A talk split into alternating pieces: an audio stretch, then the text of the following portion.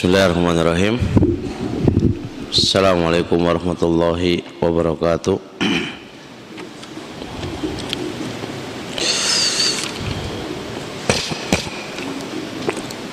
Alhamdulillah. Wassalatu wassalamu ala rasulillah. Wa ala alihi wa sahbihi. Wa mawala amma ba'd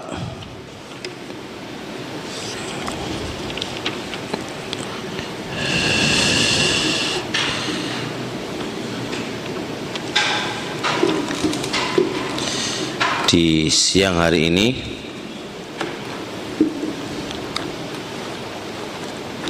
akan mencoba kita belajar bareng-bareng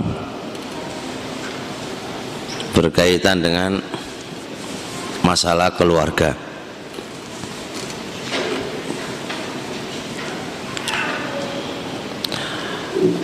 Tema yang diangkat adalah uh, ketidakharmonisan keluarga menyebabkan ada efek samping kepada pertumbuhan anak menyebabkan kepada sisi salbiah kepada anak. Tema ini insya Allah saya jadikan dua poin. Poin pertama apa saja penyebab keruwetan keluarga? Poin kedua berefek apa keruwetan keluarga terhadap perkembangan anak. Dua tema dua judul insya Allah kita akan bahas di sore di siang hari ini.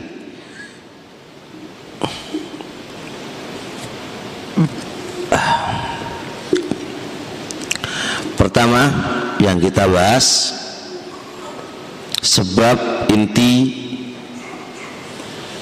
ketidakharmonisan keluarga dari sisi apa? Dari sisi apa? Seringnya terjadi ketidakharmonisan keluarga itu dari sisi apa? Di antaranya satu al-umuru al-maliyah berkaitan dengan keuangan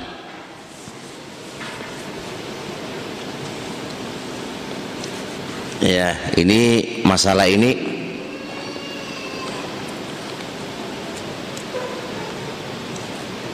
Sering terjadi perdebatan tukaran dalam rumah tangga dalam urusan maliyah keuangan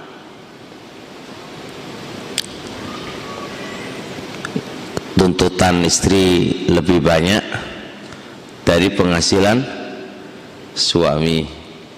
Suami mungkin males nggak mau kerja.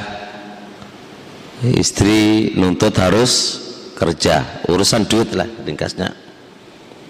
Ini terjadi terus hari-hari tengkaran terus. Tengkaran terus Nah, efek sampingnya apa ke anak? Nanti yang kita bahas efek sampingnya.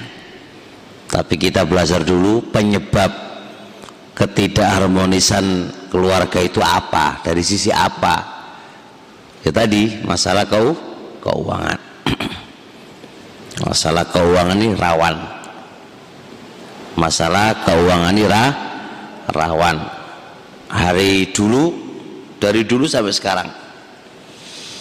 Istri awal-awal menikah Alhamdulillah kona'ah.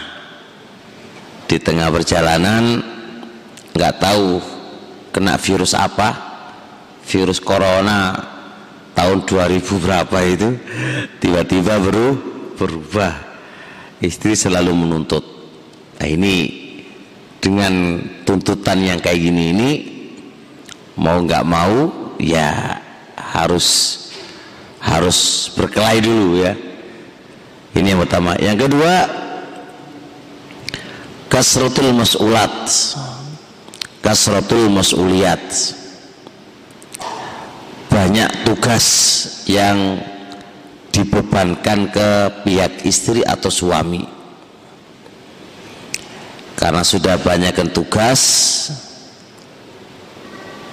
ujung-ujungnya tengkaran. Istri bilang aku sudah begini udah capek udah ini udah ini udah ini udah ini. Capek. Kalau sudah capekan karena tugas-tugas yang dia harus lakukan ya terus wajahnya wajah pengen marah aja apalagi lihat suami tora turu tora turu. Istri sudah tugasnya banyak ngerjain ini ngerjain ini ngerjain ini sepegel istri. Nah biasanya memicu untuk tengkaran. Nah tengkarannya kayak gitu itu disaksikan oleh anak-anak. Nah, pasti punya efek terhadap diri anak perkembangannya anak makanya para ibu, para bapak. Kalaulah landasan keluarga tadi bukan karena landasan ilmu dan takwa dan karena Allah semata, repot.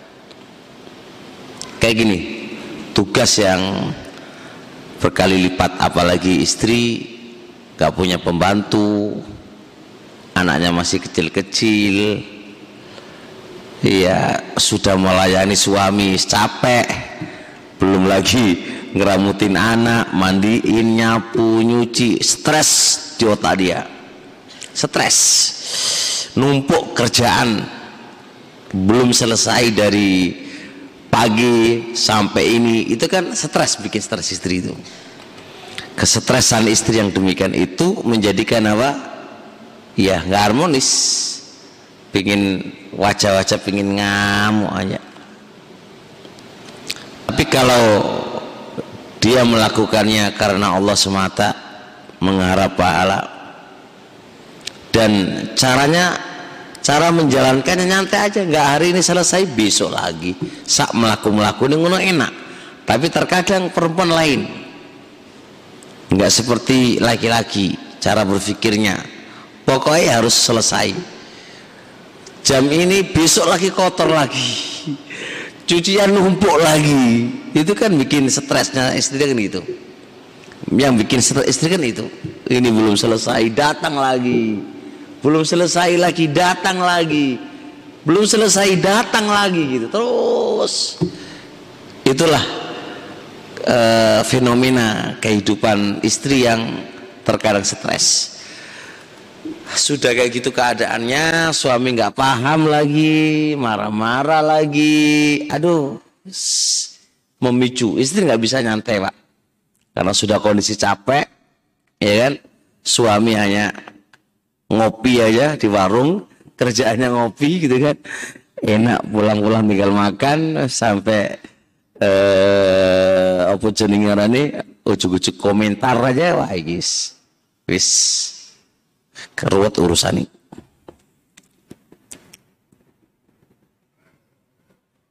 Ya. Ini yang kedua. Yang ketiga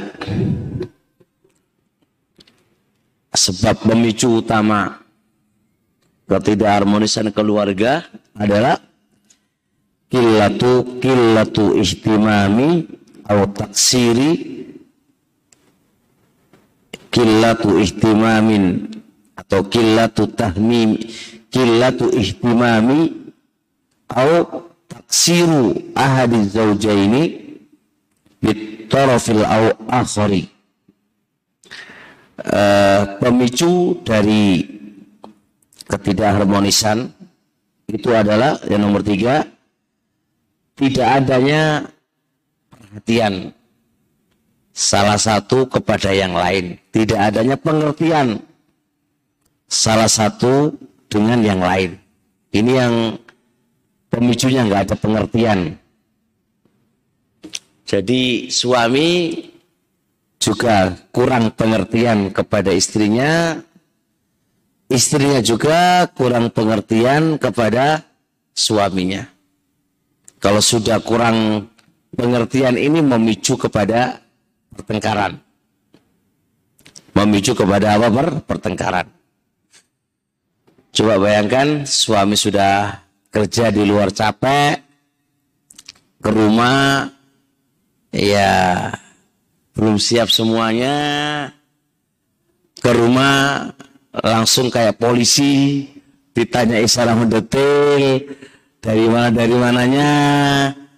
Ini kan karena dia tidak pengertian. Tidak mengerti pengertian. Jadi ketidak tidak pengertian antara suami istri saling tidak mengerti itu memicu memicu crash pertengkaran Nah, kalau sudah crash pertengkaran, sudah akan memiliki efek kepada siapa? Anak. Ya, harus saling pengertian. Khotam ya. Pengertian. Antum lagi liburan, libur, nggak kerja, bantu istri. Nyuci, nyapu. Pengertian lah istri lagi sakit ya antum ya gimana caranya jagain anaknya antum yang bagian ini bagian itu pengertian lah jadi saling mengerti saling mengerti nah dengan saling mengerti kayak gini ini insya Allah polemik keluarga itu akan bisa ya paling tidak meminimalkan kalau kalau tanpa mengerti Pak, acur Pak keluarga. Saling nuntut masing-masing. Aduh, saya nggak bisa bayangkan bagaimana wah eh, keluarga akan mau jadi apa kalau saling apa menuntut masing-masing. Gak kebayang. Faham soalnya ya? Faham ini? Jadi harus saling mengerti pengertian. Karena tanpa pengertian satu dengan yang lainnya memicu perselisihan antara keluarga. Memicu pertengkaran antara keluar keluarga. Berarti kalau pengertian Pak, Masya Allah. Pengertian itu enak. Makanya laki-laki harusnya tidak poligami dulu. Gak usah poligami. Itu kan? Makanya Abu Ahmad ini kan Abu Muhammad gak poligami ya karena pengertian dia sama istrinya kan. Jadi begitu. Norma pengertian itu enak. Istri juga begitu.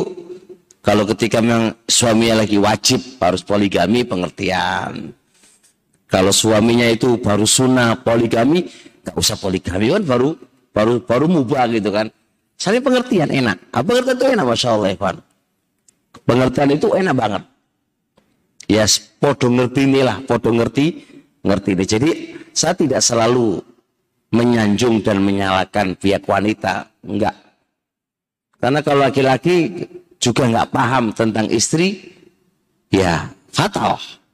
Fatal istri enggak selalu salah bisa jadi dia yang ben yang benar komunikasi aja dengan saling pengertian itulah yang akan menyelesaikan masalah masalah. Baik, terusnya Yang keberapa sekarang? Yang keempat. Su'ut tawasuli wa mu'ful khiwari baina zawjaini. Cara pendekatannya jelek. Dan komunikasinya itu tidak baik. Ini penyebab perselisihan keluarga. Pada dasarnya yang diperintahkan itu mudah, gampang. Tapi cara menyampaikannya itu salah. Itu memicu pertengkaran. Kayak contoh. Contoh ini, istrinya belum mandi. Kan ringan toh. Sam kan istri belum mandi ini kan masalah kecil istri belum mandi tapi kalau cara komunikasinya begini kamu dari tadi itu ngapain belum mandi gitu kan? Cara komunikasinya caranya begitu. Ya rame. Ya kan? Rame. Tapi kalau cara komunik komunikasi begini cara komunikasi begini. Eh sambil guyonan kok dulu cantik banget ya sekarang kok agak bau sedikit apa kurang apa tadi gak mandi? Kan selesai isu dalam guyonan. Kan lain pak lain cara pendekatannya. Anda dengan dari tadi ngapain aja gitu kan. Kok sekarang nggak mandi-mandi ada suaminya. Itu kan lain. Dengan anda e, bergurau santai dengan bahasa Masya Allah kemarin kemarin tuh kok cantik banget ya. Harum gitu kan. Sekarang kok kurang wangi apa tadi nggak mandi gitu kan beda lagi. Nah terkadang suami ini tidak pengertian atau cara komunikasinya salah istri, istri juga begitu ya kan suami misal contoh ya nggak angkat telepon nggak angkat itu kan ringan nggak angkat telepon pak ketika dapat teleponnya kamu ngapain aja Kenapa teleponku dimatikan? Kenapa? Kenapa? Ini kan sudah nggak nggak benar. Komunikasi istri langsung tet tet. Ini kan nggak benar. Memicu suami marah. Coba kalau dia husnudon gitu kan. Oh tadi kok ditelepon kok nggak diangkat. Apa memang baterainya mati atau nggak ada sinyal? Kan enak. Komunikasinya kan enak. Nah ini terkadang pemicu masalah rumah tangga itu karena apa? Kurangnya komunikasi yang baik. Kurang apa? Komunikasi yang yang baik. Ya wajar ya kan. Cara komunikasi nggak nggak pas kan wajar. Makanya saya bilang tidak mesti istri itu ngeyel. Bahkan saya bisa katakan pada dasarnya istri itu nggak ngeyel. Taat sama suaminya. Pada asalnya. Cuma kenapa ada istri yang ngeyel gitu kan? Ya bisa jadi kesalahannya di suami. Suami kok cara komunikasinya nggak pas. Dia lagi lagi stres, kamu nasihatin, ya nggak masuk, murmuring malahan kan. Jadi komunikasi aja, komunikasi yang pas dengan nada yang halus dan di waktu yang pas. Di waktu yang yang pas. Bisa dipahami Allah ya? Ingat komunikasi. Ya, komunikasi. Terusnya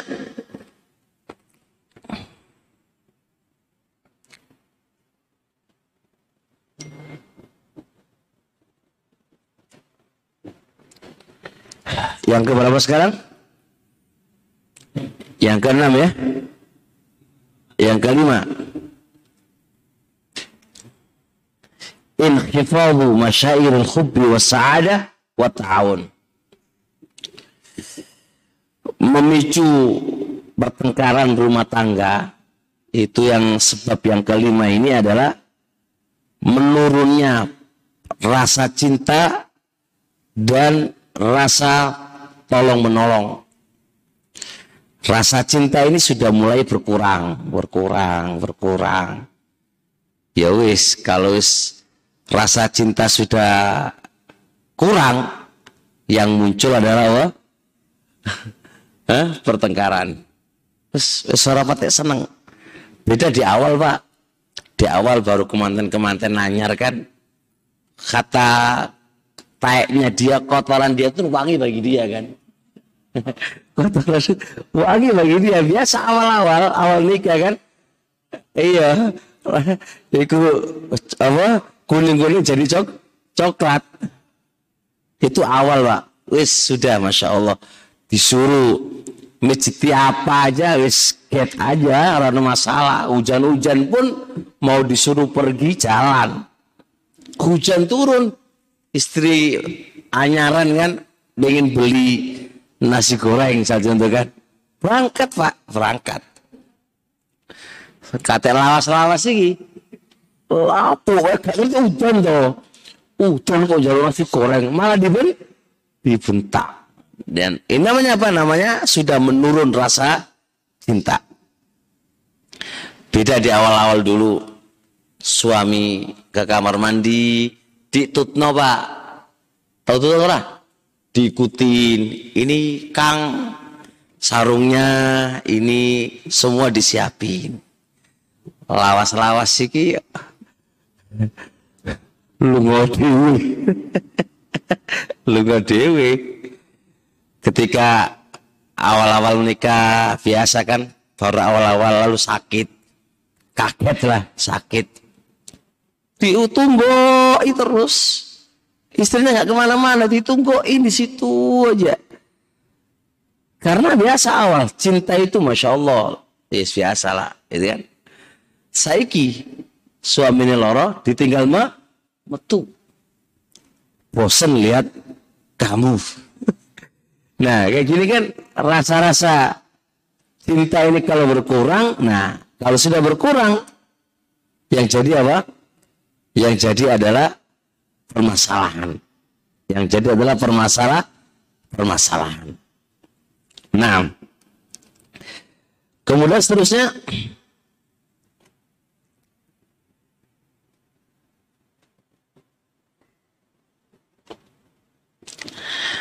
ada mufsikati baina zaujaini tidak percayaan antara suami istri. Ini memicu kepada pertengkaran. Karena tidak ada kepercaya kepercayaan. Contoh misal contoh si istri disuruh belanja. Belanja. Ini duitnya minta nih kok kurang sewu? Kamu bawa ke mana ini kan? Ini kan nggak percaya terkait dengan keuangan. Didetilkan didetilkan ya kan. Pernah sampai ada kasus seorang suami kayak gini ini keadaannya. Pokoknya nggak percaya masalah keuangan itu.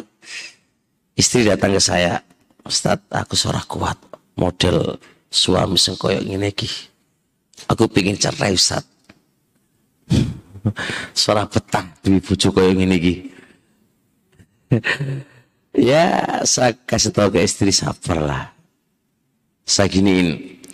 Jangan karena itu Anda cerai terus dapat laki-laki lebih pelit lagi daripada yang pertama itu kan. Jadi sabar. Sampai sekarang Alhamdulillah masih bisa bertahan. Ya memang itu pemicunya. Kalau suami nggak percaya ke istri, repot.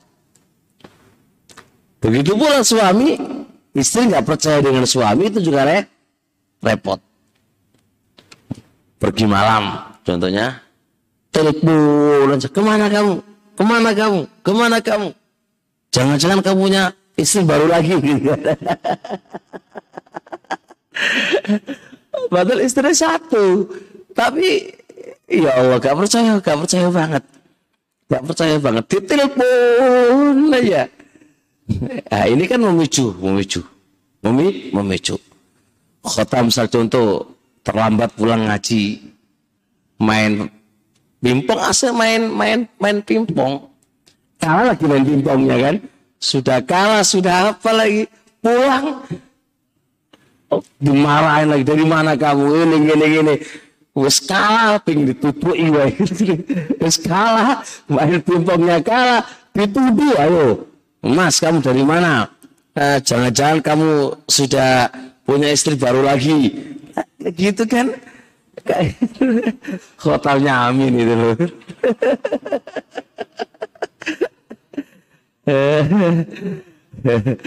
Jadi kan eh, kayak gitu kan nggak baik, nggak baik, nggak nggak baik.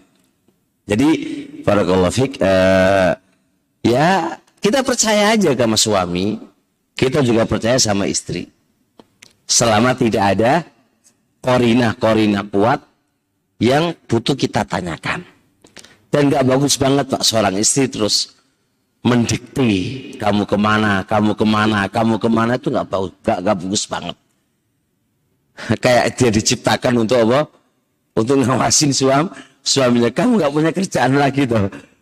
Ngawasi ke mana-mana. Sudah ibadah kepada Allah selesai. Ini ngawasin aja diawasin ke mana ke mana. Oh, kayak nggak ada kerjaan yang lain. Ini karena ketidak ada kepercayaan. Nah kalau tidak ada, kalau tidak percaya ini ya memicu kepada apa? Kepada pertengkaran dan permasalah, permasalahan. Baik ya. Itu aja saya sebutkan enam ya. Enam poin utama. Dan masih banyak lagi, tapi karena intinya bukan di sini.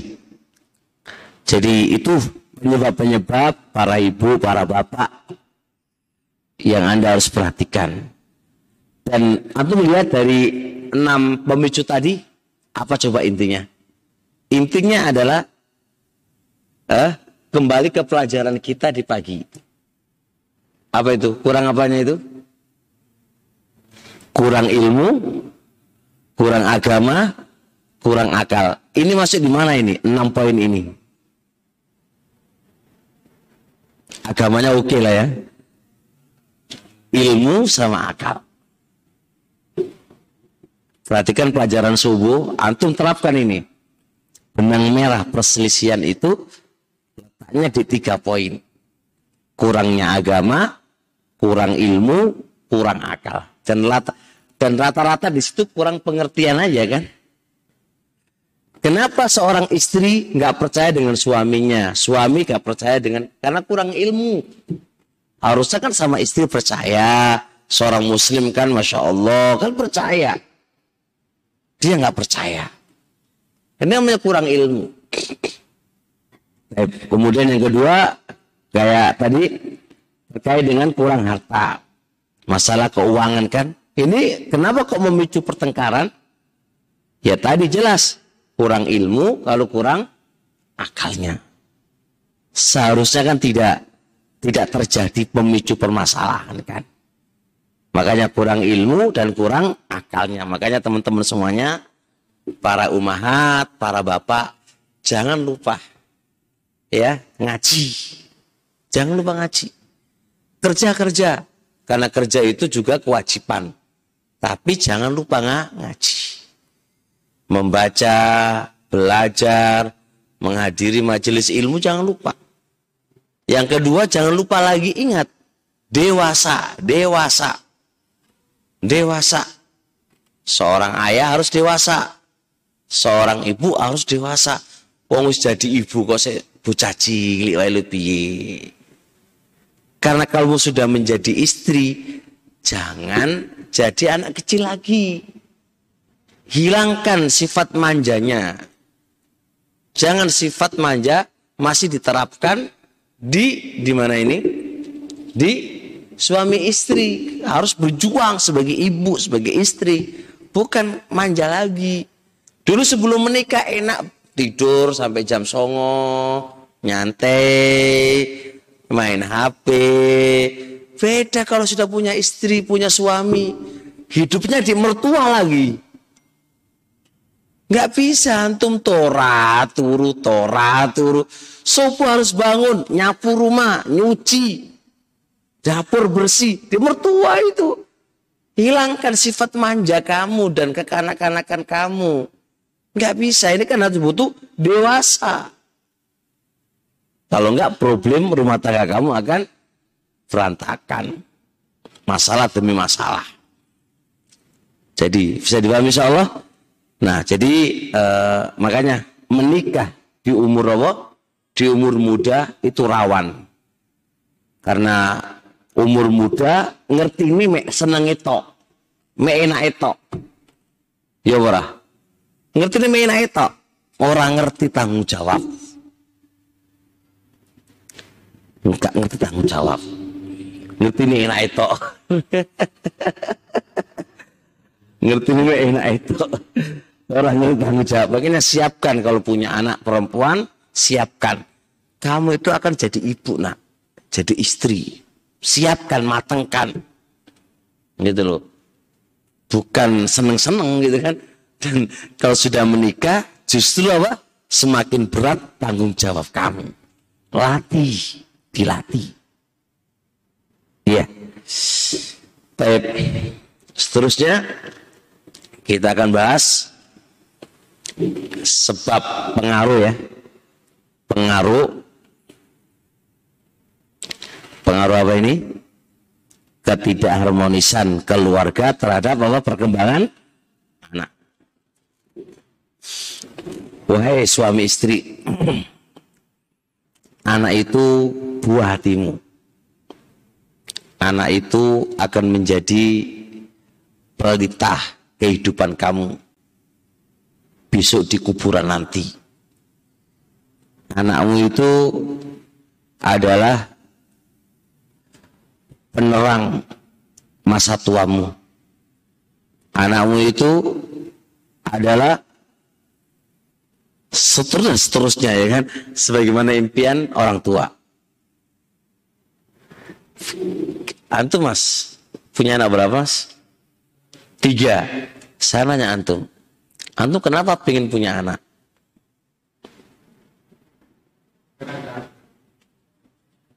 Biar ada penerusnya penerus kamu ya rugi loh kalau hanya meneruskan kamu.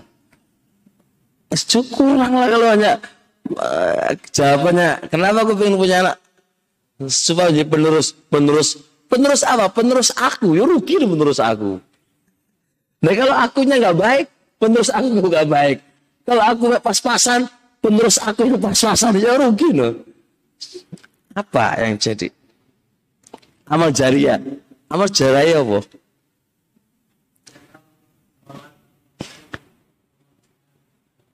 oleh pahala.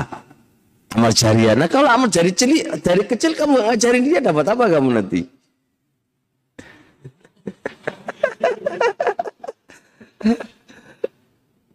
Kalau nggak ngajarin dia, bapak ini kalau buat nih wae anak orang diajarin, bahkan ngerti sholat bukan dari orang tuanya, dari orang lain.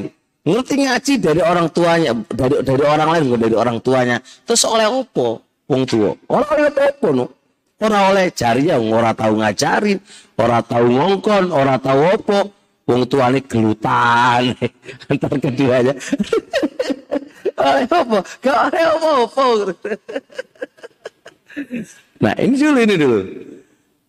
Sekarang yang harus saya tegaskan di sini sebelum kita membahas efek samping ketidakharmonisan keluarga. Makanya saya nanya, anda itu pengen punya anak, menikah terus pengen punya anak, apa sih tujuannya? Apa sih? Apa khotam? Jawaban. Berdiri sih tam. Masuk YouTube, masuk ada mikir toh. Ini ana kasih mikir. Hmm. Oh, ora apa-apa. Nah, iya. Iya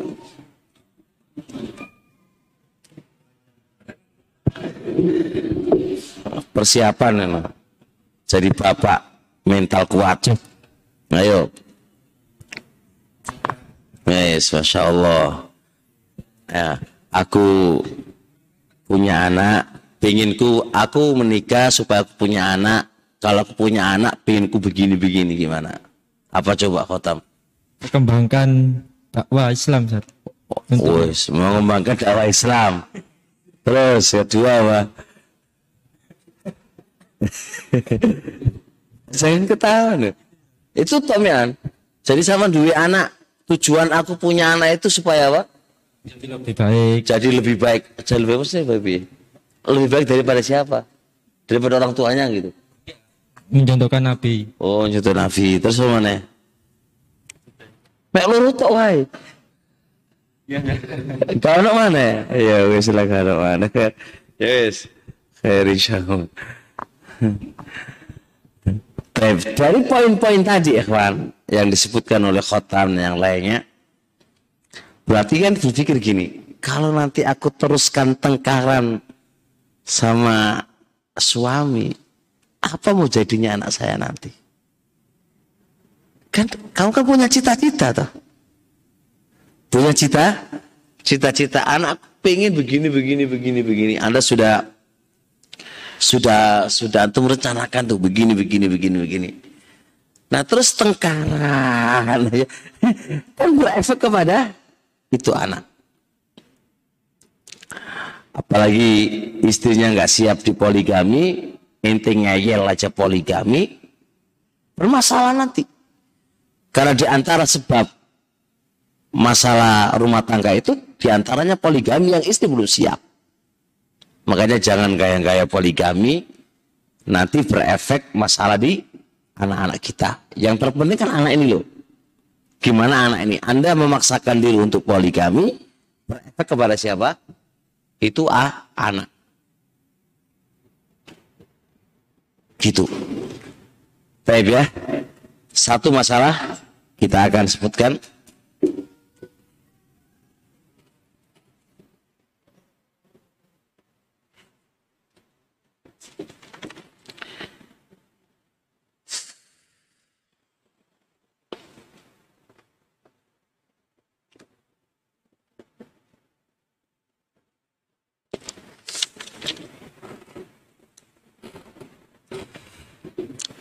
Pertama,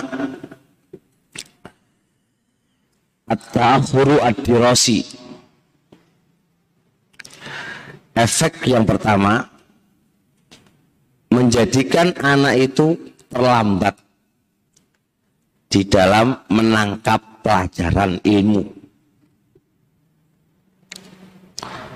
Dan sudah diteliti di beberapa buku buku baik tertulis di Riyadh atau di Jeddah atau di tempat-tempat yang lain sudah diteliti anak-anak dari SD, dari TK, SD, SMP, SMA, kuliah 90 persen mereka itu tidak berhasil di sekolahnya disebabkan karena apa? Apa masalah rumah tangganya yang tidak harmonis itu sudah ada sudah ada apa namanya sudah ada apa? Hah? Hmm? ada survei sudah disurvei pak survei membuktikan Baik. Sekarang kita berpikir secara logika. Perhatikan di sini. Perhatikan ibu-ibu, tolong diperhatikan. Gimana alasan logikanya gimana Pak? Bagaimana anak itu nggak stres? Kalau melihat orang tua hari-hari apa? Tengkaran terus. Gimana nggak stres? Tentunya anak kalau melihat orang tuanya tengkaran, tengkaran, tengkaran, tengkaran. Satu, apakah orang tua bisa ngopeni anak? Gak bisa karena otaknya sudah apa? Sudah sedih, sudah marah, dendam, pengen ketemu tukaran lagi. Sudah gitu terus.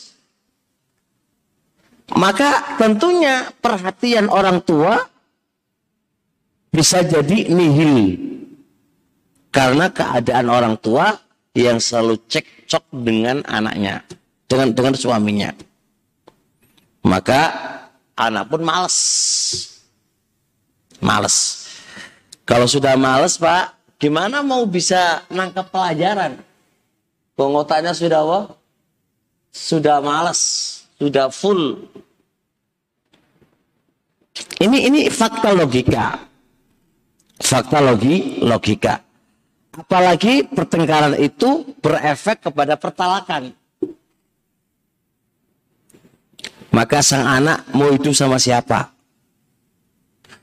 Sama bapak, nanti ada ibu tiri. Iya kalau ibu tiri ini baik. Kalau enggak, mumet urusannya. Kalau dia tangga tinggal sama ibu, ibu harus kerja. Siapa yang ngopeni dia? Kalaupun dia dapat suami baru, iya kalau suami baru open kepada anak tirinya. Berpikirlah wahai suami istri, perhatikan anakmu. Anda kalau mau tengkaran sama suami istri, coba ini anakku. Piye deh kok tengkaran ini lu piye? Sakno to karo anakku, anak dewe iki lu. Puasalah berpikir wahai suami istri. Kamu itu sudah umur 30-an tahun sudah wis wis 40 tahun wis pangate mati kok setukaran wis piye sih? Berpikirlah masa depan anakmu itu kayak apa kalau kamu harus tengkaran kayak gini ini. Pikirkan keterlambatan cara penangkapan sehingga nilainya itu pun masih mending pak. Kalau sudah kayak gitu itu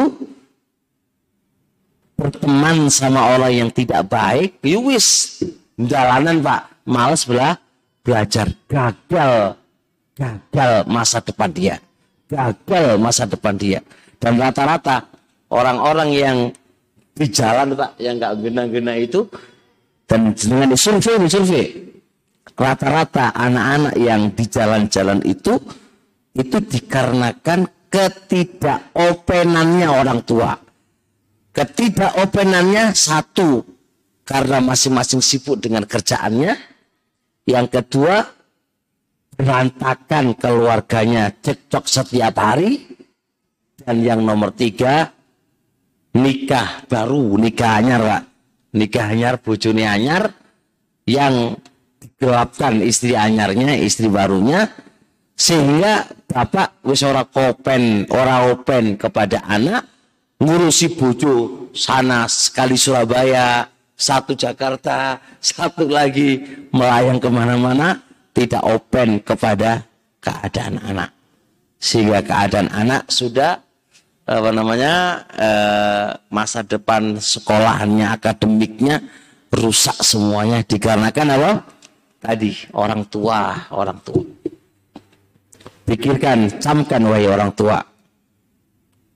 Camkan wahai orang orang tua. Terusnya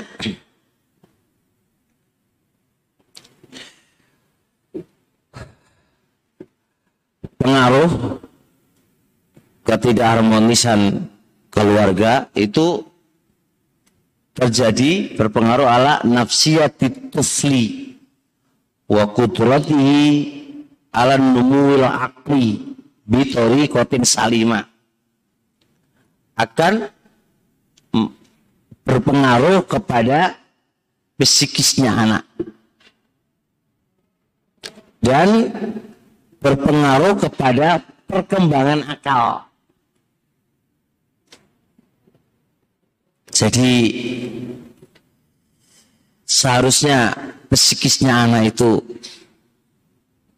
itu nyaman, aman, melihat orang tuanya harmonis, ketawa, ketawa, gurau, itu kan dilihat oleh oleh anak. Anak-anak kecil itu masya Allah, dia lihat pak. Lihat itu anak. Dan ingat, anak itu, barakallahu fik, anak kecil itu yang paling kuat di mananya nih? Telinganya dan di matanya. Di mata telinga. Bertahap pak. Ketika dia yang kuat itu di telinganya, ketika dengar cekcok keras, Itu berpengaruh di psikisnya. Apa kan ini bahasa kita lapo suara konceng kenceng gitu kan. Woi bapak ada keras, woi mati kamu, woi. ya Allah, kan tukaran lah ngono Pak. Tukaran lah ngono tuh, tukaran itu. Kenceng-kencengan. Ini kan sudah psikisnya sudah rusak. Setelah itu mulai tumbuh di mata. Ini saya baca di di sebuah uh, tesis salah satu dari uh, orang Riyadh ini nulis ditulis ini dan ada ada bukti.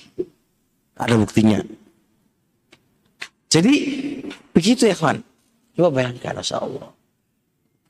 Di mata ini telinga mata. Mata melihat pukul-pukulan antara bapak ibu. Maka anak itu kan otaknya terganggu cara perkembangan. Ya Allah kok kok begini hidup ya.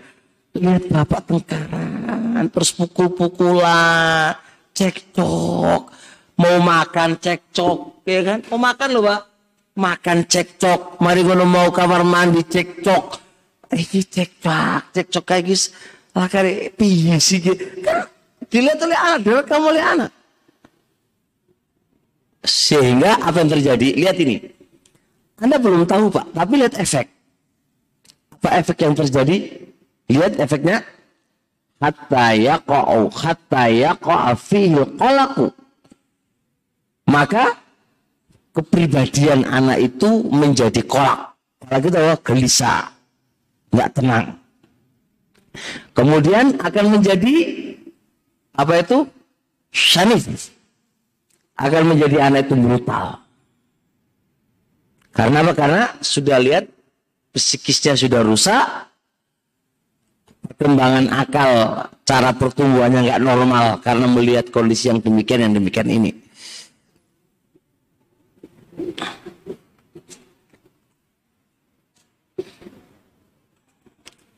Jelas insya Allah. Ini tolong uh, Bapak Ibu yang dirahmati oleh Allah. Kasihan buah hati Anda menjadi rusak psikisnya gara-gara olah orang tua yang tidak yang tidak dewasa. Orang-orang tua yang tidak dewasa masing-masing mengandalkan egonya masing-masing. Dia nggak memikirkan ke depannya anak-anaknya. Kemudian seterusnya Yang ketiga, ibu-ibu jangan ngobrol sendiri ya, nanti aja ngobrolnya. Jangan kayak pasar. Ya. Boleh, boleh sampean mikir lah. Nabi mikirnya jangan pas taklim ya. Mikirnya pas pangkatnya turu ay. Iya yo aku kok sek bocah cilik ini anak luru kok kok sek cilik ini kan. Anak telu kok kayak sek cilik ini kan. Harusnya kan mikir. Mikirlah gitu kan. Kok kayak aku gini terus keadaanku gimana? Nasib masa depan anak-anakku.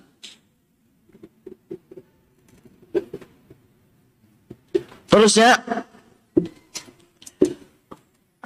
ya al isobatu fil fil itkirabil atifi akan berefek kepada anak apa itu? Al itirabu al atifi itu namanya dia emosian aja. Emosian. Tapi emosi apa sedikit marah. Sedikit marah kan kita ada model anak pak. Anak iki lapo kok murang nguring murah nguring salah saiti muring muring muring lihat ini. Ini efek. Dikarenakan apa? Karena rusaknya apa tuh? Sikitnya dia. Rusaknya mentalnya dia. Rusaknya akal perkembangannya akal rusak kemudian dia sorong selalu teriak-teriak suaranya lantang, suaranya keras.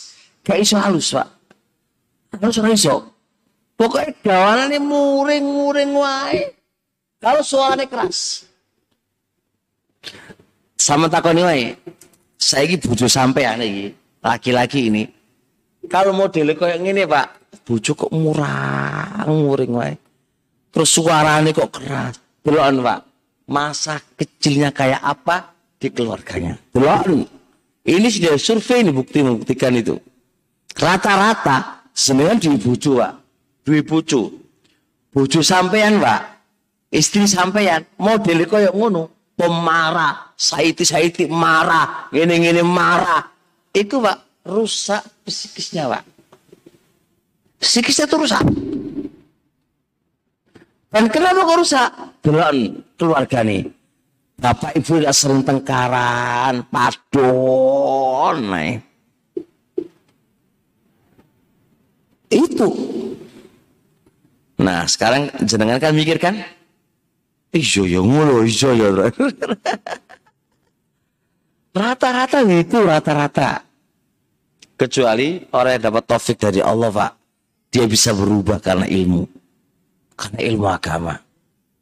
Itu pun berat, Pak. Itu pun berat. Gak semua orang yang ngaji terus ujuk-ujuk apa? Halus, nggak pemarah. Oh, sedikit banget. Makanya ilmu rahimah rabbi gitu loh dan nggak ada cara kecuali harus ngaji kembali ke agama apalagi suami suka marah itu dikit marah dikit marah dikit marah. Ini cuma akibatnya pak? Akibatnya. Coba lihat. Bapak ibu yang dirahmati oleh Allah renungkan. Kasihan kan buah hati kamu. Efeknya jadi pemarah emosian. Emosi yang tidak bisa ditahan. Masa A bin Furan bin apa? Anak si A anak si B. Suka marah suka malu ora? Wis wis apa wis pelajaran ilmu akademik wis rusak. Orang di ilmu apa-apa di sekolah paling bodoh. Paling bodoh. Ya coba duit anak kayak ini dan anda nggak sadar itu karena apa efek sampingnya kak. Kamu, kamu selalu nyalakin anak lagi. Anak emang goblok kamu itu nak. Ya Robi, padahal kesalahan anak sampai goblok itu karena apa sih? Baik. Mungkin kita punya anak, Pak. Setiap sekolah dikeluarkan dari sekolah. Soalnya apa? Anak eban buandel pol. Itu sama mikir. Nyala sopo sampai. Penyalano anak. Orang iso lah salahnya wong tuane. Ini pasti ada yang nggak beres. Dalam rumah tangganya pasti nggak beres.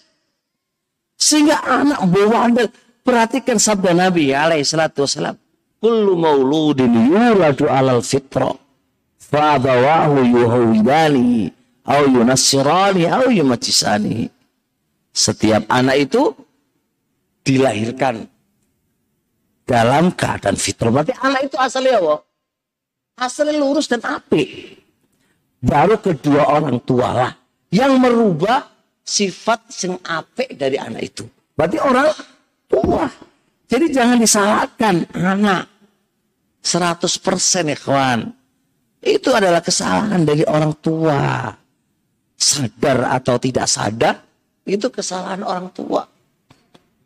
Makanya tolong ibu-ibu, ya kan? Ibu-ibu ini yang sering sama anak ini, ibu-ibu ini jangan emosian, jangan emosian, tahan. Memang gimana aku nggak emosi gitu kan? Pendidikanku dari dulu begini gitu kan? Putus rantainya mulai sekarang. Kamu jangan, dan ini pak, ini masalahnya pak. Anak, anak perempuan atau anak laki-laki yang sudah psikisnya rusak, psikisnya rusak, Pak. Kalau sudah psikisnya rusak, apa yang terjadi? Dia akan menjadi pendendam. Saya beginikan, saya lihat begini sama orang tuaku, maka saya akan begini kepada anakku. Kan begitu. Itu otomatis. Maka harus di, eh? iya, harus dipotong sekarang. Rantainya harus diputus.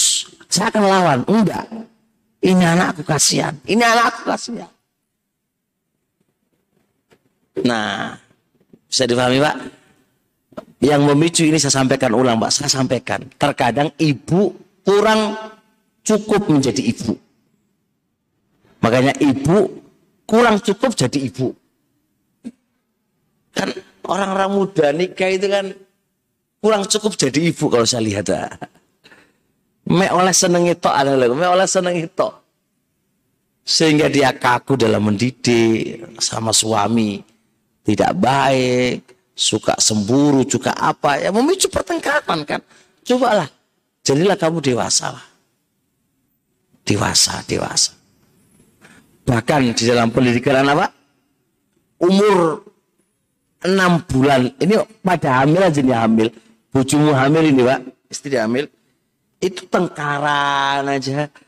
Itu berpengaruh kepada anak. Dalam perut ibu saja itu punya pengaruh. Ketika sang ibu ini lagi sedih. Nah ibu sedih terus. Lihat psikisnya anak pak. Psikisnya anak lihat itu. Ibu ketika hamil sedih aja dulu anak ini berpengaruh ya kan? Berpengaruh banget. Berpengaruh. Sudahlah harus kita munculkan kedewasaan. Ayo kita bangun rumah tangga kita harmonis guyu-guyu loh guyu oh cukup koyok komandan karo anak buah ngono kan sabu ya ketawa-ketawa lah kayak khotam selalu bahagia kan selalu ketawa terus gitu kan Ya tamu atau enggak tamu?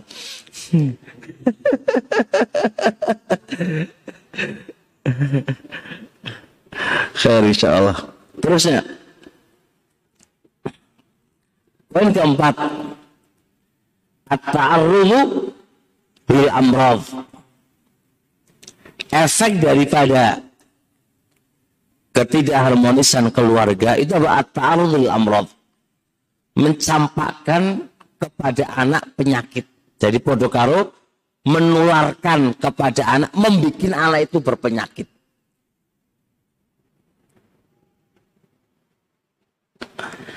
Penyakit apa pak? Penyakit ada murroha, dia nggak tenang hidupnya. Kok begini? Dia nggak nyaman pak. Kemudian lagi al-khuf rasa takut. Bahkan mungkin aku gak mau nikah. Mau nikah ya, nikah kok tengkaran terus gitu kan. Itu itu, itu juga penyakit, penyakit. Penyakit. Kemudian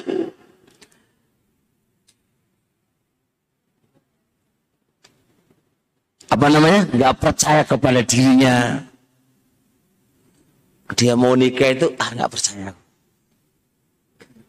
minder, sifat minder.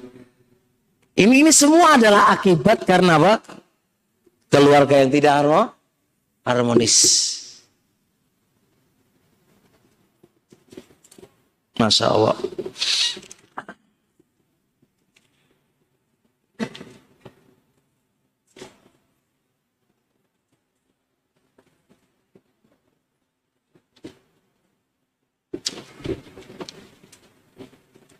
Terusnya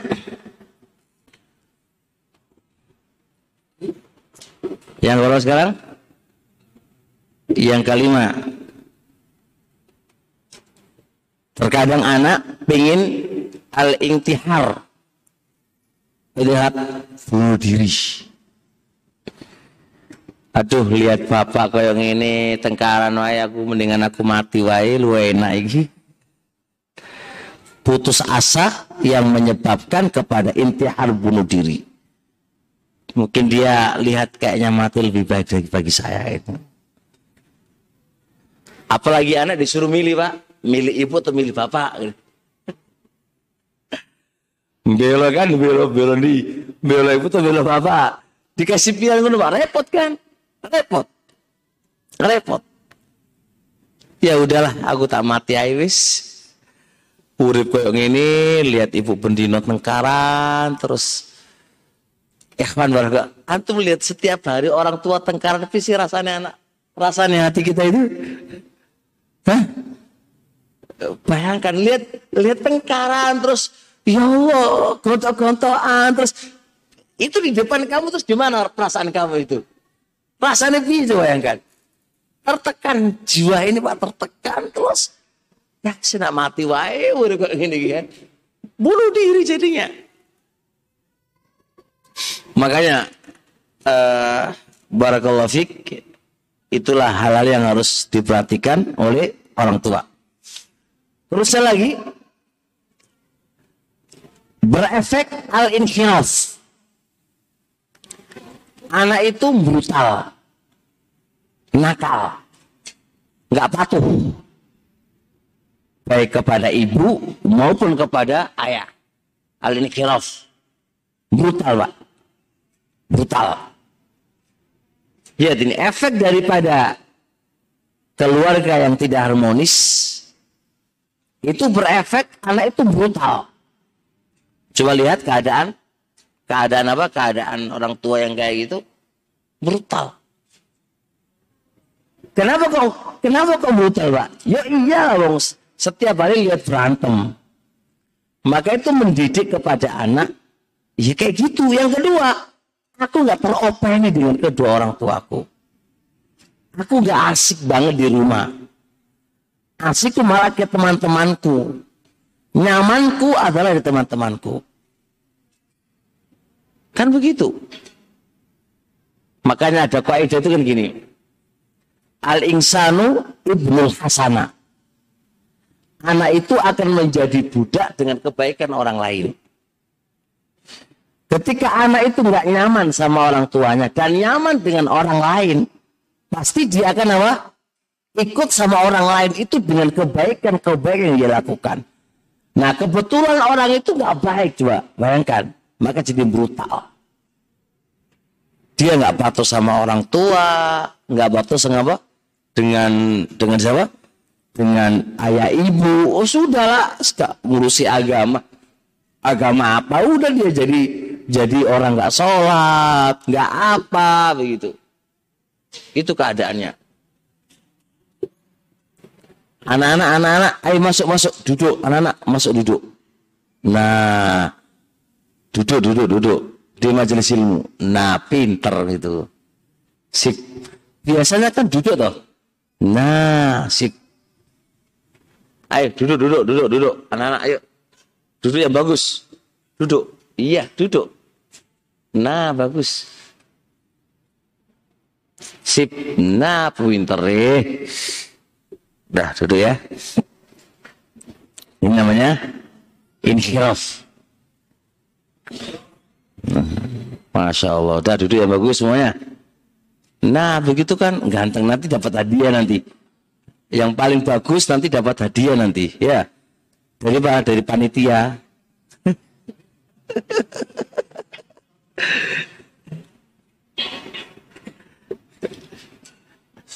Ada permen kah? Ada. Ano tuh? Kayak permen gua gue. Itu butuh pak tip tip membuat anak patuh itu ada ada teorinya. Jangan dituduh, jangan langsung dihukumi, kasih tantangan. Itu ada tipnya. Nah kalau sama marahin tuh ayo berapa raiso. Oh banyak sekali pertanyaan ini.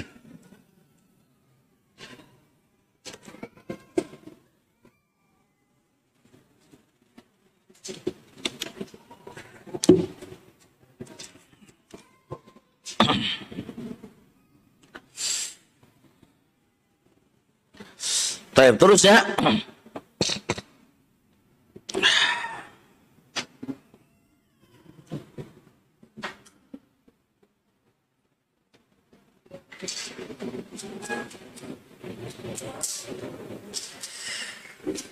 Di antara efek sampingnya adalah adamul alaqati at-thayyibah bainal walidaini anak ini akan berefek dia tidak mau hubungan baik kepada kedua orang tuanya. Jadi anak ini sifatnya sudah aku nggak a nggak ke bapak wala ke ibu. Wis sudah. Bahkan mungkin bukan kedua orang tuaku. Bahkan ada yang mengatakan, demi Allah, saya itu pinginnya nggak usah dilahirkan. Kalau bapak saya itu dan itu. Terjadi, terjadi Pak. Sampai anak itu ngomong, demi Allah, saya nggak pingin jadi anaknya dia. Kenapa ya Allah, engkau lahirkan aku dari anaknya dia. Sampai begitu Pak. Dikarenakan apa? Dikarenakan tadi, lihat pertengkaran yang setiap hari ada terus dari orang tua. Kok kayak gini hidupku gitu kan. Itu real Pak, real, nyata.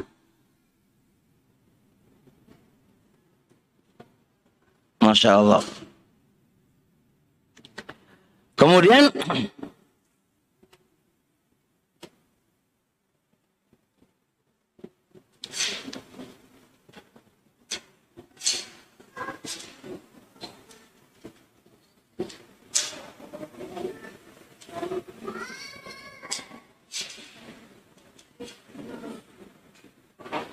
ini tambahan, cuma sudah saya sebutkan di awal, yaitu kenakalan anak. Anak menjadi lebih nakal, lebih apa? Ada beberapa kitab menyebutkan biasanya larinya ke orang-orang yang mabuk.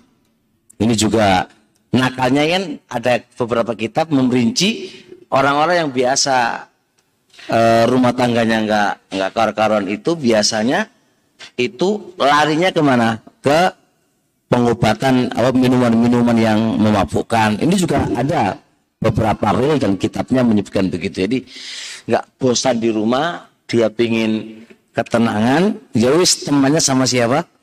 Orang-orang yang mah mabuk, pil kopul, pil apa itu wis diombe wae. Karena di rumah sudah stres kan? Di rumah sudah sudah stres. Itulah beberapa efek samping dan masih panjang karena mungkin pertanyaan juga akan banyak karena tadi sudah kelihatan panjang juga. Jadi eh, beberapa efek samping pada ketidakharmonisan berkeluarga. Saya sampaikan ulang, wahai suami istri, bersabarlah dalam menempuh kehidupan kamu. Ya, yang kamu pikirkan bukan sekarang tapi masa depannya anak-anak. salah dalam menghadapi masalah. Berumah tangga yang lebih penting wahai suami, kamu kan pemimpin keluarga. Dewasalah, jangan ego saja yang kamu tampakkan dan jangan keinginan murni kamu tonjolkan dengan berbasis sunnah untuk poligami, ya kan? Tapi tanpa memikirkan efek samping daripada itu. Bukan berarti nggak boleh poligami, tapi siapkan semuanya. Anda ingin rumah tangga yang yang apa? Yang bahagia, tapi menjadi apa? Hah? Rumah yang apa? Rumah rumah duka. Jangan jadi rumah rumah duka. Ya kan? Ya enggak? Anda ingin menjadi rumah bahagia, lalu kamu jadi rumah rumah duka. Istri kamu merana menangis, stres terusnya kan juga nggak benar kan. Jadi tolong, jadi jangan Anda kan sebagai pemimpin nih, pemimpin rumah tangga nih. Pemimpin rumah tangga di tangannya Anda. Kasihan anak-anak yang mereka tidak berdosa yang mereka butuh kasih sayang kedua orang tua. Mereka butuh bimbingan, spot, dorongan dari kedua orang tua. Kalau kedua orang tua lalu bertengkar hari-harian, kasihan mereka, mereka yang sudah lahir dari diri dirimu. Taib. uh, ini ada pertanyaan suami saya selingkuh hingga berzina dengan wanita lain yang sudah bersuami. Sudah ada bukti fisik valid. Sudah pernah mencoba bicara baik-baik, namun suami marah-marah kepada saya. Sehingga untuk selanjutnya saya pura-pura tidak tahu dan tetap bersikap baik kepada suami. Meski saya tahu suami masih tetap berhubungan dengan wanita itu. Namun semakin lama suami saya tidak ada perubahan dan semakin nyaman dengan perselingkuhannya. Mohon saran Ustadz apa yang harus saya lakukan untuk menyelamatkan rumah tangga saya. Jadi ini, saya ini kasusnya adalah seorang suami sudah menikah itu berselingkuh dengan wanita yang lain. Wanita yang lain ini sudah juga bersuami, bersuami. Bayangkan ya, suami berselingkuh dengan wanita, wanita sudah? Bersuami. Bayangkan.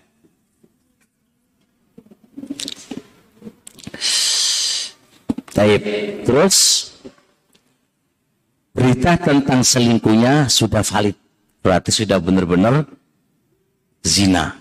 Kita nggak bahas ini. Kemudian sang istri sudah berusaha menasihatinya dengan cara lemah lembut. Tapi ya Allah, Jawabannya malah mar marah. Apa boleh buat? Seorang istri pun tetap sabar, sabar, sabar. Tidak membahas perselingkuhan tadi. Tapi ternyata dia malah enjoy dan nyaman dengan perselingkuhannya. Apa yang harus kami lakukan? Wahai istri, Allah Subhanahu wa taala berfirman,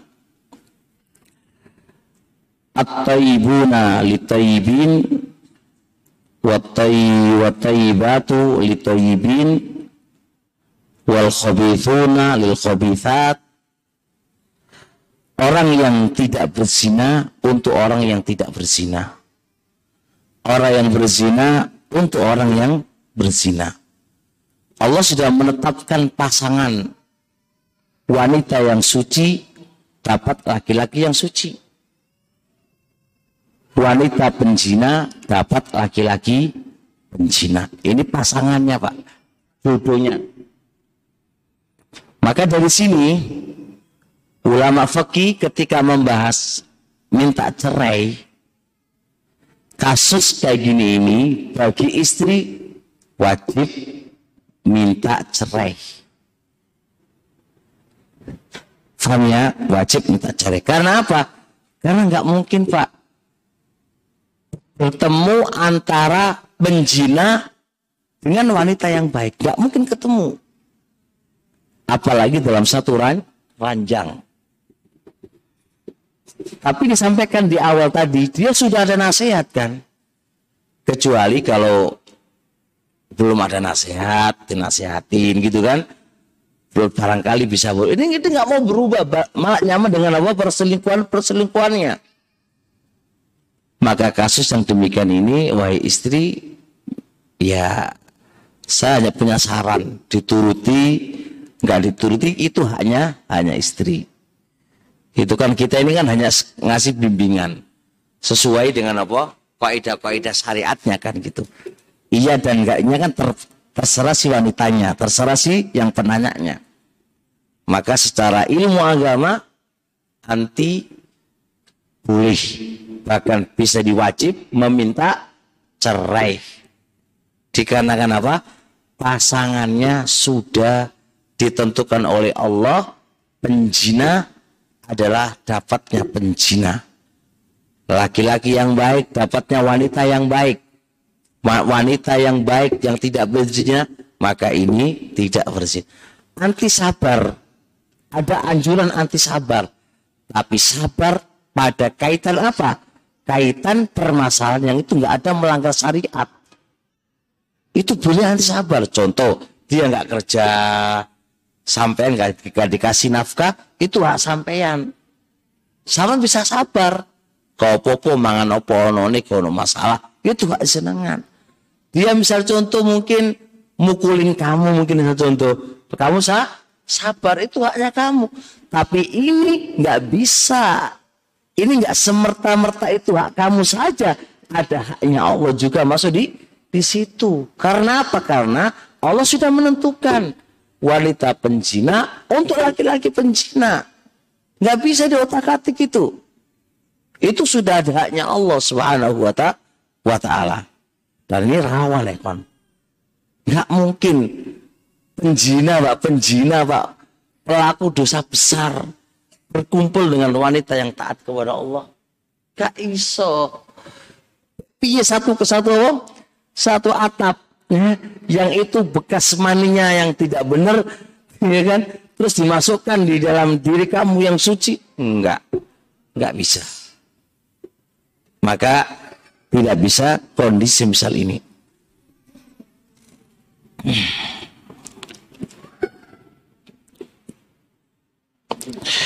saya pernah berzina dan punya anak perempuan jika nanti saya hendak menikah kan anak saya yang harus diwalikan ke wali hakim Bagaimana sikap saya jika anak saya dan keluarga besar bertanya kepada walinya? Wali hakim. Dan bagaimana saya menjawabnya Ustadz? Karena sepanjang hidup saya hanya berpikir hal ini saja. Perlu difahami, pernyataan penanya di awal jika nanti saya hendak menikahkan anak saya yang harus diwalikan ke wali hakim. Ini nggak harus. Nggak harus. Masalah masih ada perbedaan di antara para ulama. Masalah khilafiyah. Masalah khilafiyah. Sebagian ulama Hanafiyah membolehkan bapak penjina menjadi wa, wali bahkan dinisbatkan kepada bapaknya dan mereka punya argumentasi punya alasan apa alasannya hukum asal hukum asal kalau itu dari air maninya itu dinisbatkan kepada siapa bapaknya hukum asal. Perhatikan dalam kisah Juraij. Tahu kisah Juraij? Karena mana abuka? Ya enggak? Kan kepada wanita penjina itu kan yang dia nisbahkan ke Juraij kan? Tanya, mana abuka? Siapa bapak kamu? Si Fulan. Nisbahnya kepada siapa? Ke bapak? Bapaknya. Fa'inkil, maka jika ada komentar, ini kan Bani Israel dahulu gitu kan. Ini kan zaman dulu, nggak bisa. Karena para ulama juga memakai ini hadis dipakai ketika anda itu sholat sunnah dan itu dipanggil oleh siapa? Oleh orang tua kamu harus apa? Harus taati. Sedangkan ini adalah kisah sebelum Nabi. Ketika Ketika itu dari apa? Dari orang-orang sebelum kita dan itu tidak bertentangan dengan syariat kita, maka bisa di diambil. Makanya para ulama menggunakan ini hadis. Kemudian alasan yang ketiga, anak itu dinisbahkan ke siapa? Ke ibu. Bukankah ibu itu kan air maninya, wah? Haram juga. Paham nggak? Apakah air mani ibu juga air mani yang apa? Yang suci? Enggak. Kenapa boleh dinisbahkan kepada ibu, enggak boleh dinisbahkan kepada kepada bapak? Podo Air mani yang tidak benar. Bisa dipahami? Adapun alasan kamu yang mengatakan itu harus nggak boleh dinisbahkan kepada ayah, alasannya mereka adalah apa namanya anak itu lil firosh untuk ibu dan kecelakaan untuk si ayah. Ini kak ini hadis nggak nggak sorry, tidak sorry, nggak paten. bahwasanya anak itu dinisbahkan kepada ibu dan nggak boleh dinisbahkan kepada bapak. Kalau boleh dinisbahkan kepada bapak, berarti boleh jadi wali. Kalau nggak boleh dinisbahkan kepada bapak, berarti nggak boleh apa eh, apa namanya nggak boleh jadi jadi wali kan begitu. Ini nggak sorry, nggak paten. Kenapa nggak paten? Karena sebagian ulama Anas memahami ini hadis. Sebenarnya ini hadis adalah si istri itu sudah menikah. Kemudian dia berzina. Lalu kedua laki-laki ini suaminya dan penzina itu rebutan. Ini anaknya siapa? Paham? Maka ini hadis diperuntukkan untuk ini. Makanya kata kata Rasulullah sudah. Ini bukan untuk si suami dan bukan untuk siapa? Untuk penzina. Dikarenakan apa? Rebutan. Ya wis, ini untuk ibunya aja. Karena rebutan. Makanya dia mengatakan penzina dapat kecelakaan. Ya karena buat apa-apa. Karena Anda berzina kan begitu kan. Dan itu juga nggak bisa dinisbahkan kepada sang suami. Karena apa? Ada orang yang menyatakan itu anak anakku. Faida batalakul istimal batal istidlal dalam kaidah usul apabila sebuah lafat memberikan kemungkinan-kemungkinan masih mengandung kemungkinan-kemungkinan maka batalah berdalil dengan yang demikian itu. Bisa dipahami? Maka secara dalil dan secara kaidah ini masalah-masalah ranah khilafiyah. Kalau sang ibu tadi khawatir dan nggak apa-apa. Kita ambil pendapatnya Nas dan saya tolong pendapat ini dinikahkan oleh siapa? Oleh sang sang ayahnya. Bukti yang kedua, Ulama sepakat kalau andai kata sang bapak ini nggak boleh menikahi anaknya. Ini kan anaknya tuh, nggak boleh menikahi maklum bagi dia. Ulama sepakat. Jadi itu air maninya dia kan anak zina kan pak. Yang menjinakan bapaknya. Boleh nggak bapaknya menikahi dia? Nggak boleh. Ulama sepakat. Tapi kan masih ada ada ketua ada nasabnya kan. Kenapa nggak boleh nikahi gitu kan? Karena ada dari air maninya dia. Dari air maninya dia. Kalau antum katakan dia nggak boleh nisbahkan kepada bapaknya, nggak boleh diwali, boleh dia nggak menikahi. Lalu cuma agama ini, bapaknya menikahi apa? Anaknya dengan air maninya sendiri, nggak apa ribut urusannya gitu ya. Jadi, alhamdulillah, ya ini yang saya tahu dari ilmu yang saya bahas. Jadi si penanya akhwat, ya alhamdulillah kalian tidak usah berpikir, berpikir sepanjang hidup gitu kan. Alhamdulillah ini pencerahan. Hidupmu tenangkan, tidur bisa nyenyak. Ya kan? Tidurmu bisa nyenyak, nyaman, Masya Allah gitu kan. Hari ini dari semakin sampai kurus kurus kurus apa? Kurus kering ya. Karena mikirkan ini gitu kan. Ya sudah Alhamdulillah apa yang kamu lakukan tadi yang hasil berzina tadi sudahlah bertobatlah kepada Allah Subhanahu wa taala. Urusan kamu dengan Allah Subhanahu wa taala. Seharusnya kamu berpikir bukan ke anaknya. Dosaku kira-kira diterima oleh Allah apa enggak gitu kan. Dosaku kira-kira ditamu yang harus kamu pikirkan kan urusan ini kan urusan itu setelah selesai urusannya. Tapi yang kamu pikirkan kira-kira dosaku zina ini diterima oleh Allah ataukah ataukah tidak. Tapi bagaimanapun keadaan Allah Maha Rahmanur Rahim bertobatlah kepada Allah oleh tayi aslu mirohillah jangan putus dari rahmatnya Allah. Subhain inna rahmati ghalabatu ghadabi kemurahan Allah mengalahkan apa? Kemarahannya maka tobatlah kepada Allah. Allah insya Allah akan bisa menerima tobat-tobat kamu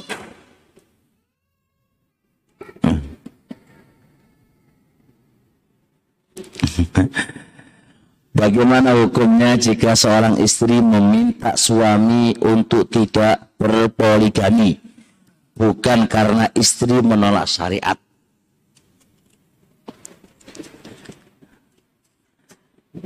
Ini pertanyaan bagus banget.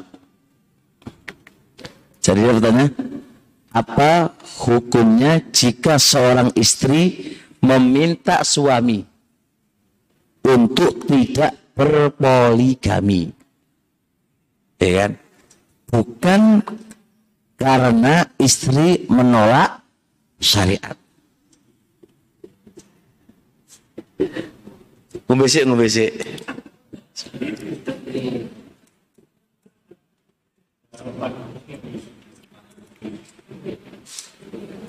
Thank you. Ini pertanyaan saya bilang bagus untuk meluruskan pemahamannya para laki-laki. Laki-laki ini punya modus, Pak. Supaya dapat izin berpoligami, itu modusnya bi modusnya. Iki sunnah, kamu nggak boleh nolak sunnah. Kamu nggak boleh nolak syariat. Itu modusnya, Pak. Di mana-mana istri, di mana-mana suami, kalau pengen poligami nggak punya alasan kecuali alasannya apa? Iki lo syariat. Kan kau sudah ngaji. Seorang muslim wajib menerima syariatnya Allah itu modus. Modusnya wong lanang, Pak. Aku juga wong lanang kan. Jadi ini hukumnya ada dua. Wanita yang tidak mau dipoligami itu ada dua hukum.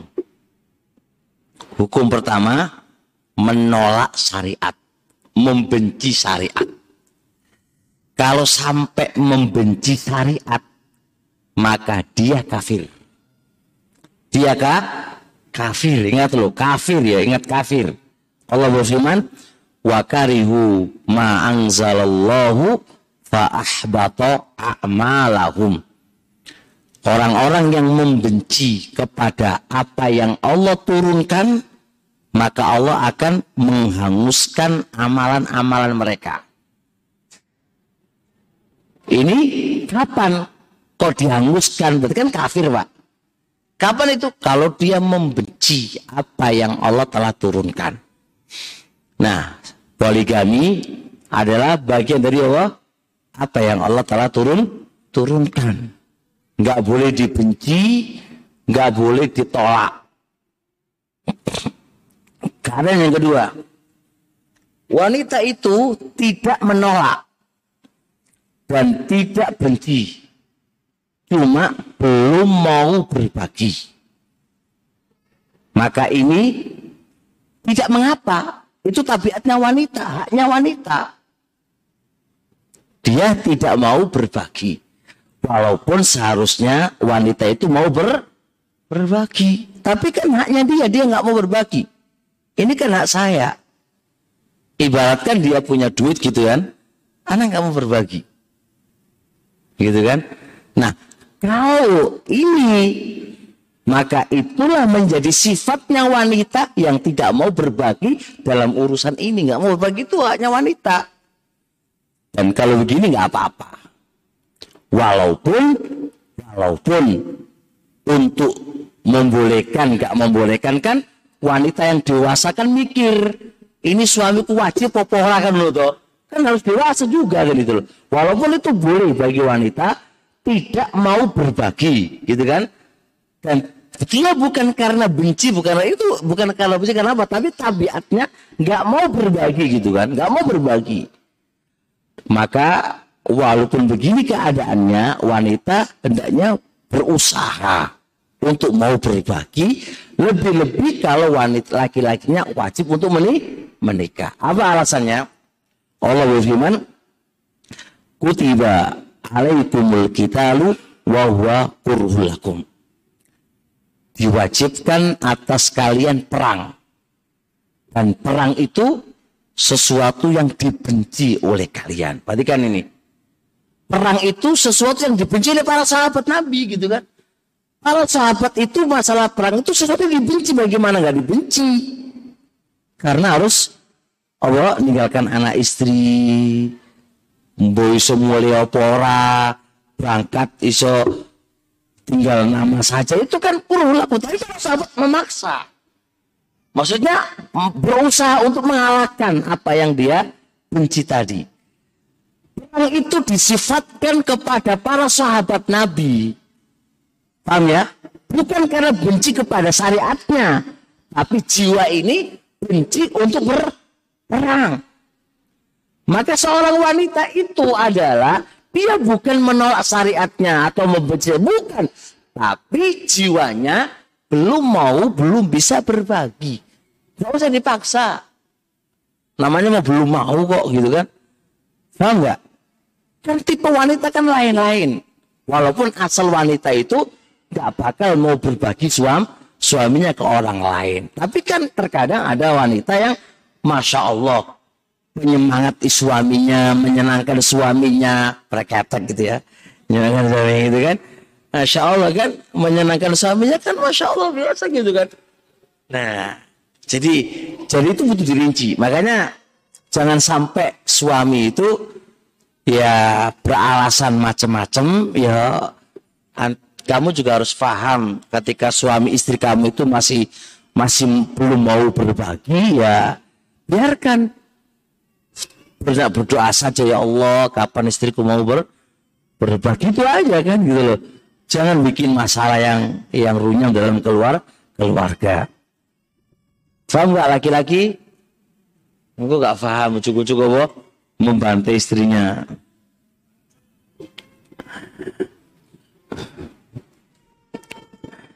Bagaimana jika memiliki mertua yang selalu iri pada menantunya? Padahal semua kebutuhan harian dan keinginan yang beliau katakan sudah dikabulkan. Bagaimana sikap menantu seharusnya dan bagaimana sikap suami seharusnya. Suami harus bijak. Suami harus bijak. Orang tua adalah kewajiban dia, istri juga apa? kewajiban dia.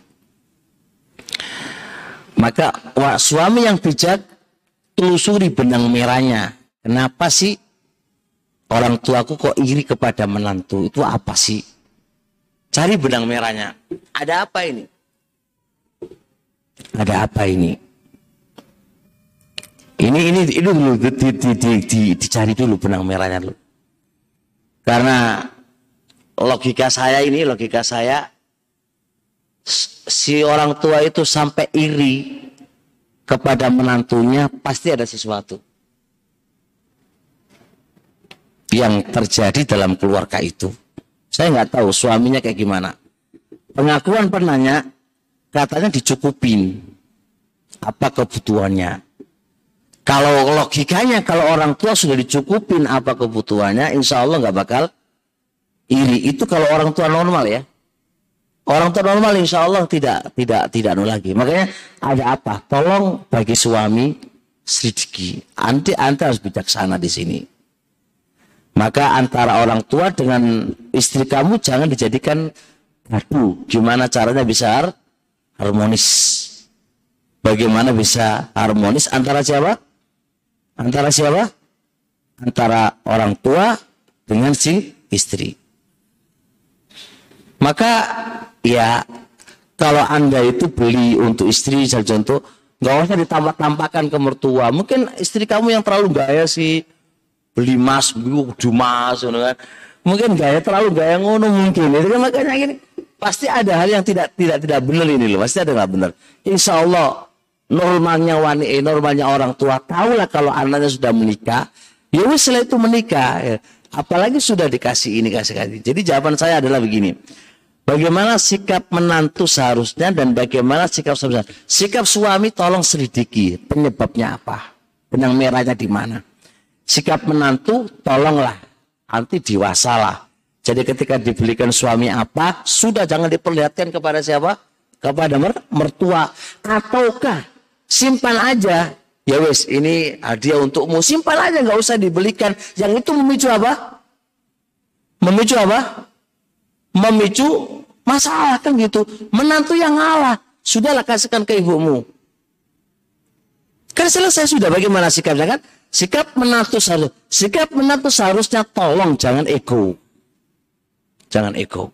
Selama Anda sudah dicukupin oleh suami kamu, terus ada barang-barang yang kamu dilebihkan oleh jangan ditampakkan kepada siapa orang tuanya. Kan begitu kan?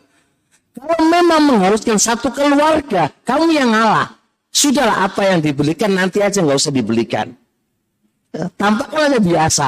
Kamu biasa pun nggak ada masalah kan gitu kan.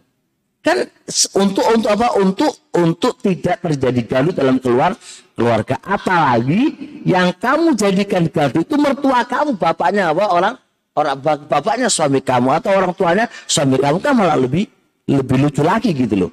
Jadi tolong bagi menantu eh, sikap sikaplah dewasa, sikaplah dewasa. Yang saya minta dewasa, jangan ego kamu. Jangan ego kamu. Dengan cara kalau mengharuskan anda itu nggak dikasih, nggak dibeliin, nggak usah dibeliin. Atau kalau pingin anu di luar, di luar makan di luar, biar kelihatan apa? Kan bisa, kan bisa gitu kan bisa. Di masalah dalam mensikapi masalah yang tidak seharusnya rame jadi ram, rame kan bisa di, di, dipolitiki gitu loh. Kayak gitu kan kecil banget kan gitu. Jangan ditampakkan. Mungkin itu dibeliin sate, eh, dipangan di depan wong omo ya. Ya ngono lah, ini salah kawamu lah. Gimana caranya antum eh, itu nggak iri? Itu ditukono sate nah aku ora itu kan ya. Ah, piye lah, wong tua gitulah. Pahami wahai istri, ini perlu dipahami istri itu. Istri, kamu mendapatkan suami itu adalah ketika dia sudah berhasil. Ketika dia sudah besar. Pahami wahai istri. Yang membesarkan ini semuanya adalah orang tuanya suami. Yang membesarkan ini semuanya adalah orang tuanya suami. Pahami ini. Maka andai kata anak melebihkan orang tua wajar. Karena orang tua lah yang punya andil besar di dalam keberhasilan dia. Kamu tuh baru tiba. Tiga syukuran loh ya. Tiga syukuran ya. Karena kamu dikasih karena ikatan istri aja. Kamu apa yang menjadikan kamu diikat dikasih. Ikatan apa yang mengharuskan kamu dikasih. Apa kan nggak ada gitu loh. Jadi pahami ini. Walaupun anda kata kamu itu nggak dilebihkan. Paham. Karena kamu adalah apa? Orang baru. Orang-orang baru. Bisa difahami kan? Apalagi istri, masya Allah tidak begitu kan? Tidak begitu kan? Apalagi suami nggak begitu kan? Maka ya sudahlah dewasalah aja dalam menghadapi masalah ini.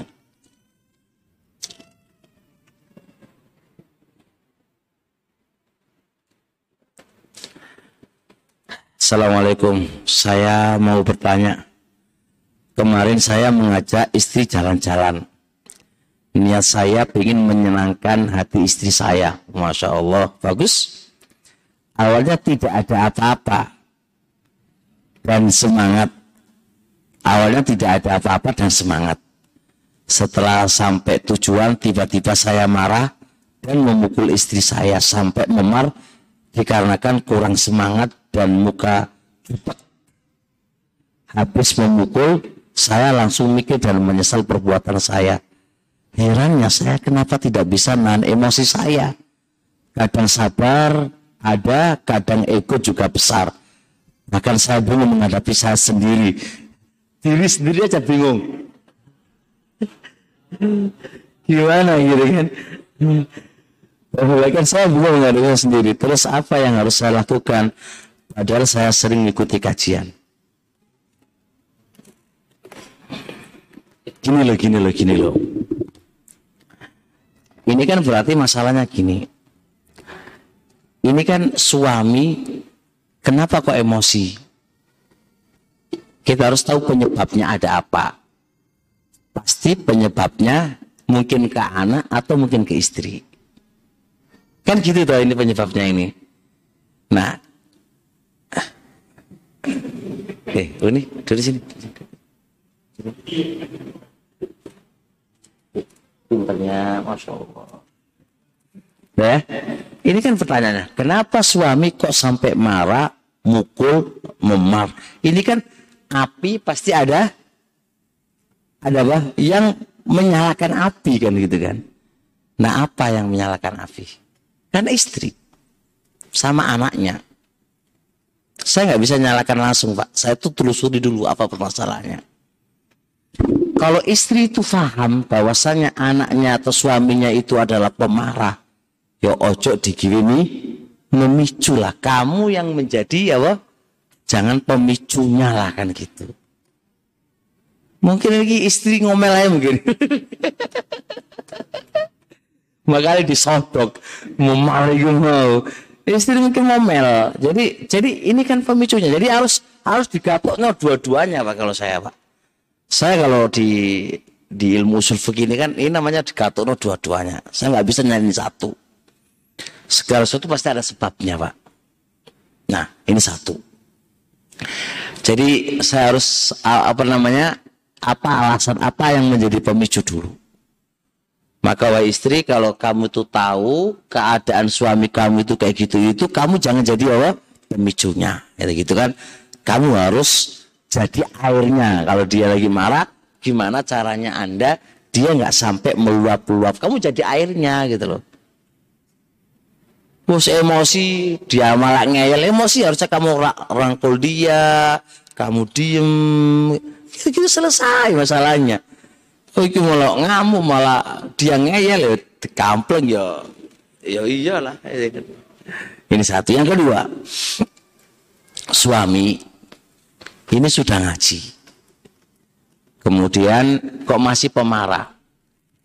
Ya lihat ngajinya, gimana cara ngajinya? Gimana cara ngajinya kan? Kan nggak semua orang ngaji itu adalah masuk ilmunya. Pertanyaan saya, apakah orang minum obat pasti obatnya apa? berkhasiat? Kan nggak mesti. Sebagaimana orang ngaji, ngaji itu kan harusnya ke tempatnya ilmu. Harusnya berkhasiat kan?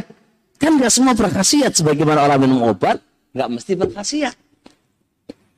Maka coba dilihat lagi, aku ngajiku tujuannya apa? Terus bab yang dibahas itu apa? Kan itulah babnya. Kalau bab kaidah sabar, bab masalah hati, atau ngaji ya ini tema pas untuk untuk diri kamu kan ngono toh. Artinya bab itu lebih sering ngaji harusnya kan gitu.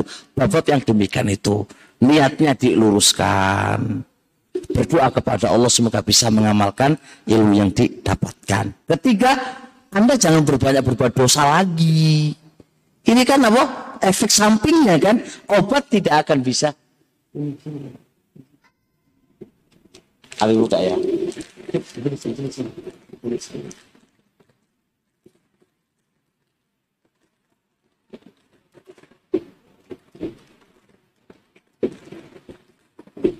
Itu ya, yang bagus. Baca, baca apa?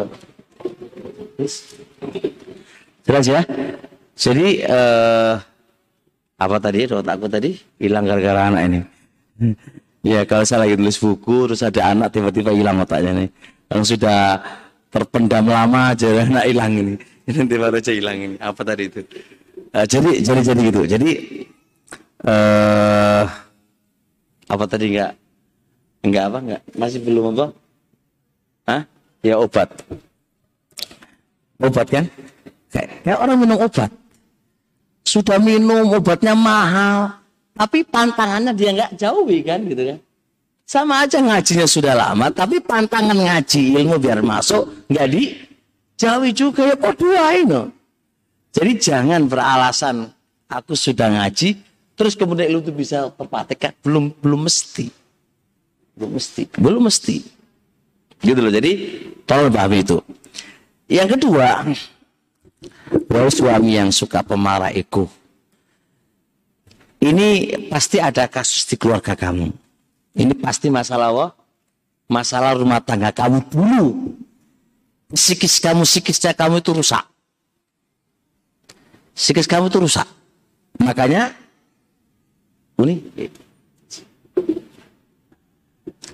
duduk tadi kan duduk katanya. Kan gitu.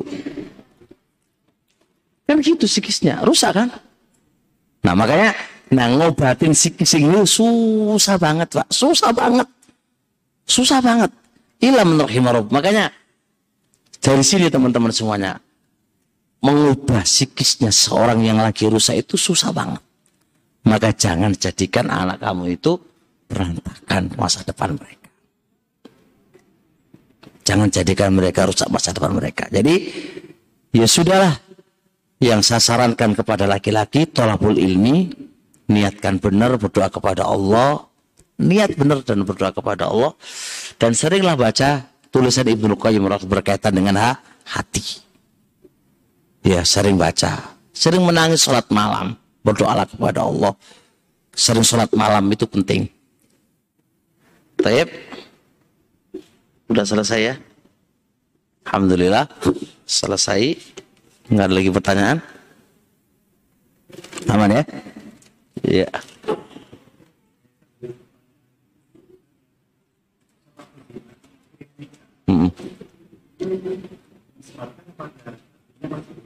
Boleh. Boleh. Tetap dapat warisan, warisan semua masuk warisan uni eh uni